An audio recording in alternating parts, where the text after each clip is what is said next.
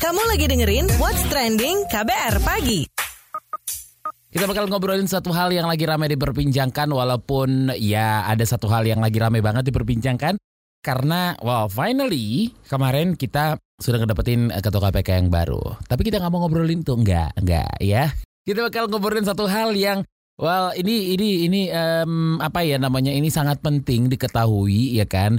Siapa pun bisa mengalami hal ini, oke? Bukan diri Anda saja, tapi mungkin tetangga Anda, teman dekat Anda atau siapa pun yang Anda kenal ya ini bisa mungkin mengalami hal yang em, amit-amit sih jangan sampai oke? Eh, bunuh diri jangan sampai sih sebenarnya tapi ini ini sangat penting ya? Jadi ini adalah festival penyadaran pencegahan bunuh diri. Karena tingginya angka bunuh diri selalu menjadi sorotan tiap tahunnya itulah sebabnya selalu ada peringatan hari pencegahan bunuh diri sedunia atau World Suicide Prevention Day di setiap tanggal 10 September setiap tahunnya ya dan em, Berdasar data komunitas Into the Light mengutip dari laporan Badan Kesehatan Dunia atau WHO dengan judul Preventing Suicide, a Global Imperative, angka bunuh diri tahun 2012 saja mencapai 9.106 kasus.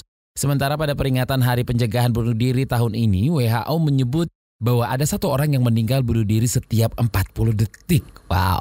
Ini dinyatakan oleh Direktur Umum WHO Tedros Adhanom uh, Ghebreyesus ya seperti dilansir pada laman WHO.int.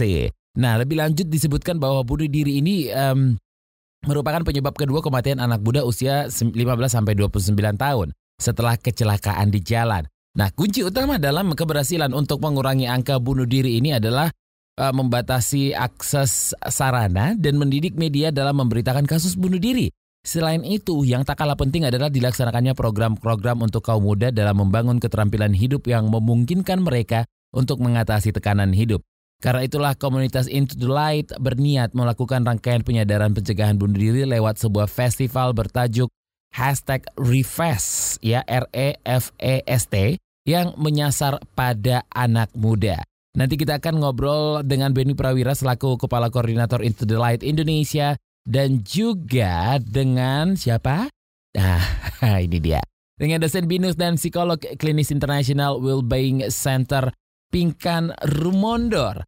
Kita bakal ngobrolin kenapa em, apa namanya mengapa penting ya ada festival penyadaran pencegahan bunuh diri ini. Gak main-main sih sebenarnya ya kan. Dari data WHO sendiri yang bilang kalau em, bunuh diri merupakan penyebab kedua kematian anak muda usia 15 sampai 29 tahun setelah kecelakaan di jalan. Menyeramkan sih ya. What's Trending KBR Pagi. Masih di Was Trading KBR pagi bersama Don Brady dan kita lagi ngobrolin festival penyadaran pencegahan bunuh diri. Nah, jadi Into the Light Indonesia merupakan komunitas orang muda untuk advokasi, kajian, dan edukasi pencegahan bunuh diri dan kesehatan jiwa remaja dan populasi khusus lainnya yang berbasis bukti ilmiah dan hak asasi manusia. Soal Refest yang digelar eh, komunitas ini kita bahas bareng Benny Prawira selaku Kepala Koordinator Into the Light Indonesia. Mas Benny, apa tema besar tahun ini untuk Hari Pencegahan Bunuh Diri Sedunia dan bagaimana itu em, dikaitkan dengan peringatan di Indonesia? World Suicide Prevention Day sendiri sama seperti tahun lalu, temanya adalah working together to prevent suicide. Jadi memang kalau di konteks Indonesia dari Into the Light serangkaian dengan World Mental Health Day yang mana temanya adalah tentang mental health promotion dan suicide prevention. Jadi memang akhirnya kami combine dua itu jadi kerjasama demi jiwa. Mengapa penting di era ini untuk makin peduli soal kesehatan jiwa dan kesegaran eh, kesadaran ya pencegahan bunuh diri? Sangat penting ya untuk kita bisa menyadari terkait hal-hal kesehatan jiwa kita juga gitu. Pemahaman-pemahaman dasar misalnya seperti, oh kalau saya merasa ini, kapan sih saya harusnya ke psikolog atau psikiater misalnya. Saya sudah merasa tidurnya kok susah nih belakangan ini, kok banyak pikiran kayak gini-gini-gini gitu ya. Nah, itu sangat penting sekali untuk kita mulai sadari dalam kehidupan sehari-hari sih. Karena kesehatan jiwa itu tuh sebenarnya tuh nggak serumit yang kita bayangkan bahwa, oh gangguan ini tuh harus begini-gini-gini dulu, terus kita harus tahu apanya sih yang jadi penyebab-penyebabnya. Enggak, itu sederhana bahwa kita memiliki fungsi nggak yang baik gitu untuk belajar, untuk bekerja, untuk beraktivitas sehari-hari, untuk merasakan kebahagiaan, kesenangan, merasakan kesedihan dan kemarahan secara bisa dikelola atau tidak gitu. Hal-hal seperti itu tuh yang perlu kita sadari untuk memahami mengenai kesehatan jiwa kita. Nah, ini kenapa menyampaikannya dalam bentuk festival, Mas Benny? kami merayakan tiga hari yang besar ya, dan itu setiap September. Hari pencegahan bunuh diri sedunia, terus yang hari kesehatan jiwa sedunia di Oktober, lalu juga di November nanti ada hari penyintas kehilangan bunuh diri internasional. Yang mana ketiganya ini kan jadinya bisa berbarengan tuh. Akhirnya setelah kami bertahun-tahun melakukannya secara terpisah, sekarang kami pengen package ini jadi satu festival supaya nanti hampir setiap weekend akan ada banyak acara di ruang publik untuk bisa ya membantu meningkatkan kesadaran. Ya diharapkan jadinya teman-teman semuanya bisa belajar bagaimana sih uh, untuk mengelola stres, gimana sih untuk mengenali oh kondisinya begini-gini-gini, bagaimana juga nanti uh, kita akan ajarkan beberapa hal yang rangkaian workshop-workshop ini untuk bisa lebih empatik ke sesama kita juga. Seluruh rangkaian festival ini kita kasih namanya Refresh. Oke, bakal seperti apa isinya? paling awal itu di bulan September ya, kita ada yang kita sebut dengan rejuvenate. Nanti bisa untuk mindfulness, terus juga nanti kita akan ada lagi reconnect untuk bisa connecting dengan teman-teman tuli. Kita menyediakan workshop bahasa isyarat juga yang gimana sih kalau mau bicara sama teman-teman tuli, terutama ke, tentang kondisi kesehatan jiwa mereka, apa sih yang bisa kita bicarakan gitu. Terus nanti juga kita akan ada rangkaian-rangkaian lagi workshop terkait misalnya bela diri untuk teman-teman perempuan, karena kan memang kita tahu ya bahwa kasus pelecehan seksual itu sangat sering terjadi dan kita pengen mengkapasitasi bahwa teman-teman perempuan untuk bisa melindungi dirinya. Dan tentunya akhirnya juga bisa terhindar dari efek-efek negatif ke kesehatan jiwa dari si pelecehan seksual ini. Ada lagi acara-acara seminar-seminar terkait dengan gimana sih supaya untuk proses pemulihan kita itu kita bisa melihat pencarian bantuan itu kita bisa mencoba mencari bantuan di saat-saat kita sedang mengalami kesulitan. Tentunya masih banyak lagi yang lain. Itu nanti bisa dilihat aja di uh, website kita di intothelightid.org. Oke, terima kasih Benny Prawira selaku Kepala Koordinator Into the Light Indonesia. Kamu lagi dengerin What's Trending KBR Pagi. Nah, sesuai dengan tema World Suicide Prevention Day dan World Mental Health Day yang berfokus pada kerjasama lintas sektor untuk pencegahan bunuh diri, um, rangkaian kegiatan atau uh, rangkaian kegiatan refresh ya sepanjang bulan September dan Oktober mengangkat bermacam topik yang relevan dengan isu pencegahan bunuh diri dan kesehatan jiwa di Indonesia.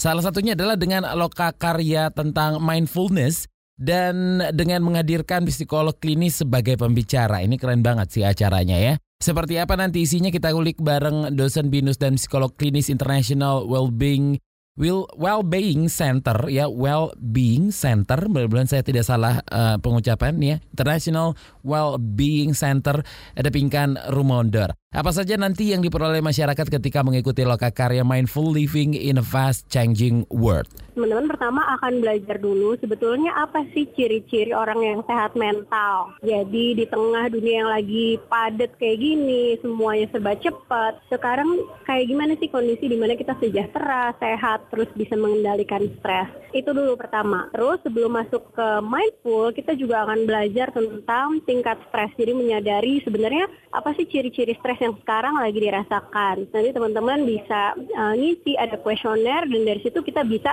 refleksi diri sendiri. Baru kemudian kalau di sesi saya saya akan jelasin sedikit apa sih itu mindfulness. Mindfulness itu adalah cara kita memperhatikan keadaan yang di sini dan sekarang.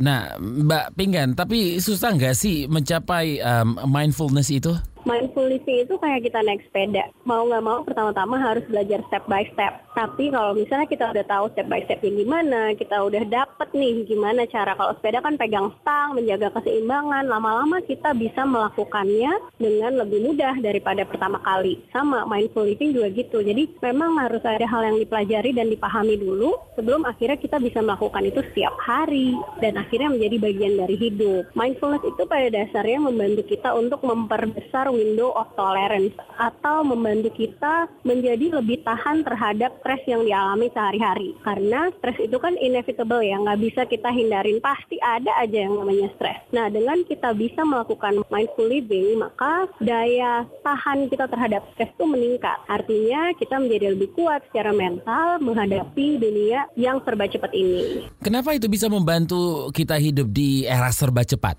Jadi, nah, seperti tadi tujuan mindful ini kan adalah untuk memperbesar window of tolerance atau daya tahan ketahanan kita terhadap stres. Dan mindful ini salah satu cara yang sudah terbukti secara klinis, secara uh, saintifik juga bahwa kalau dilakukan setidaknya dalam 8 minggu itu bisa berdampak misalnya menurunkan gejala stres, menurunkan gejala fisik bahkan dan meningkatkan kesejahteraan. Jadi kalau misalnya nggak melakukan ini ya menjadi rugi satu cara untuk lebih sejahtera gitu. Dan sebenarnya jangan khawatir karena mindful ini bukan sesuatu yang rumit kok. Ini sesuatu yang justru sangat simple. Mungkin sering kali kita melakukan cuman nggak tahu namanya itu. Gitu. Hmm, Oke. Okay. Terima kasih dosen binus dan psikolog klinis International Wellbeing Center Pingkan Rumondor.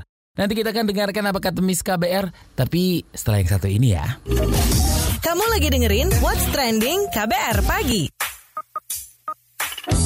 Penasaran sama komentar Miss KBR? Ini dia Miss KBR. Beneran kan kalau ada yang bilang kita nggak akan pernah tahu apa yang terjadi ketika pintu itu ditutup? Nggak kelihatan, Bo, kecuali kalau temboknya kaca. itu pun cuman lihat doang, perbincangannya kan nggak kedengeran, cuman kerak-kerak doang kayak film bisu. Nah, kita itu kan nggak pernah tahu ya dengan perasaan atau isi kepala orang. Kalau itu nggak diutarakan, makanya janganlah gegabah untuk berasumsi atau bahkan menghakimi pilihan orang lain. Kenapa sih Miss KBR bilang seperti itu? Bagus ada yang nanya. Ya, meski yang barusan itu mulut Miss KBR sendiri sih yang mengutarakan. Hmm, mungkin udah pada ngeh ya kalau 10 September itu kan diperingati sebagai Hari Pencegahan Bunuh Diri Sedunia. Sementara Hari Kesehatan Jiwa Sedunia bakal diperingati pada 10 Oktober 2019. Lalu 23 Novembernya adalah Hari Penyintas Kehilangan Bunuh Diri Internasional. Paket lengkap, komplit, biar terpatri dalam hati sanubari pemirsa. Artinya, September ini sampai November jadi waktu yang baik untuk mengingatkan orang bahwa kesehatan jiwa itu penting. Ya, meskipun nih ya, makin banyak orang sadar akan pentingnya kesehatan jiwa itu, masih banyak juga ternyata yang belum sadar. Ini bukan perkara sepele. Selain itu, yuklah ikutan meningkatkan kesadaran mengenai pencegahan bunuh diri, tapi tanpa menghakimi.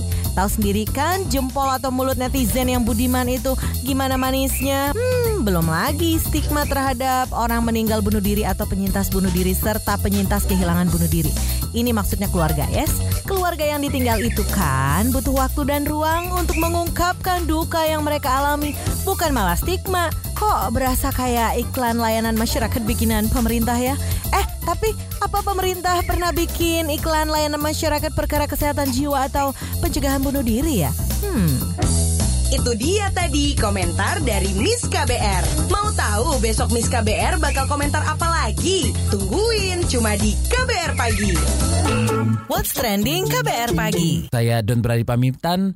Have a nice weekend. Ketemu Senin ya. Bye-bye. Terima kasih ya sudah dengerin What's Trending KBR Pagi.